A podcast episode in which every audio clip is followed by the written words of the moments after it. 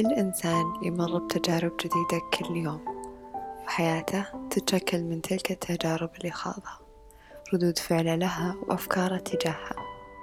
تكوين شخصيته كله يعتمد على هذه التجارب لكن نسبة تأثره منها يعتمد عليه هو.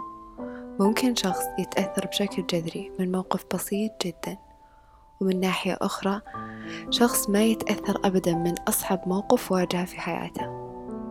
المشكلة أن الإنسان يظن أن كل هذه المواقف اللي يواجهها ما له أي يد فيها وأن مدى تحكمه فيها ضئيل جدا. عشان كذا يوقف وما يحاول أنه يغير من وضعه أو الطريقة اللي يواجهها فيها مع أنه في الحقيقة هو بيده كل شيء يصير له بحياته.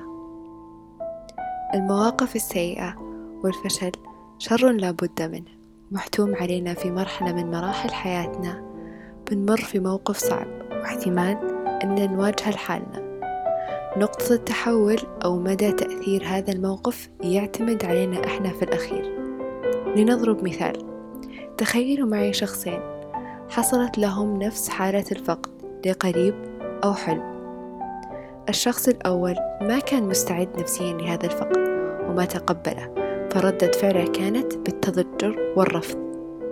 الشخص الثاني قرر أنه ما يضيع وقته فيه لأنه كان مؤمن أن حياته عبارة عن أيام معدودة.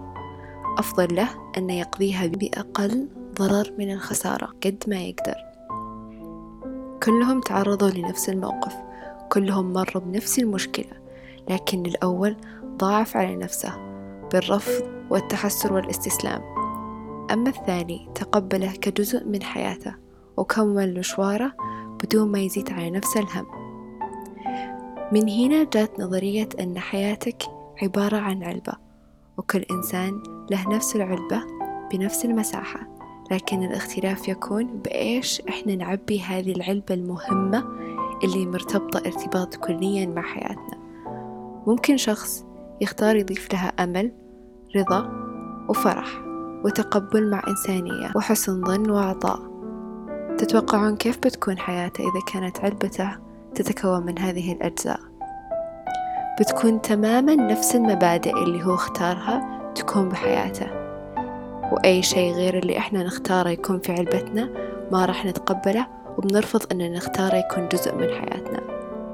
من ناحية أخرى لو عبيناها بسوء ظن عصبية ضيق وتحسس مع قليل من الأمل حياتنا كلها بتكون تعيسة. لأن اخترنا للأشياء السلبية مكان أكبر من الإيجابي الشخص الثاني قرر أن علبة حياته تخلو من هذه الأشياء لأن ما لها مكان عنده.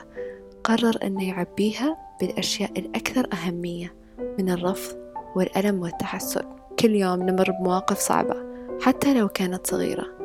لكن لو انتبهنا إحنا كيف ردة فعلنا تجاهها بنريح أنفسنا كثير من طاقة سلبية إحنا في غنى عنها. بالأخير القرار بيدك أنت وبيدك أنت. انتبهوا لعلبة حياتكم جيدا لأن لها دور كبير جدا في تكوين حياتكم اللي تعيشونها الحين.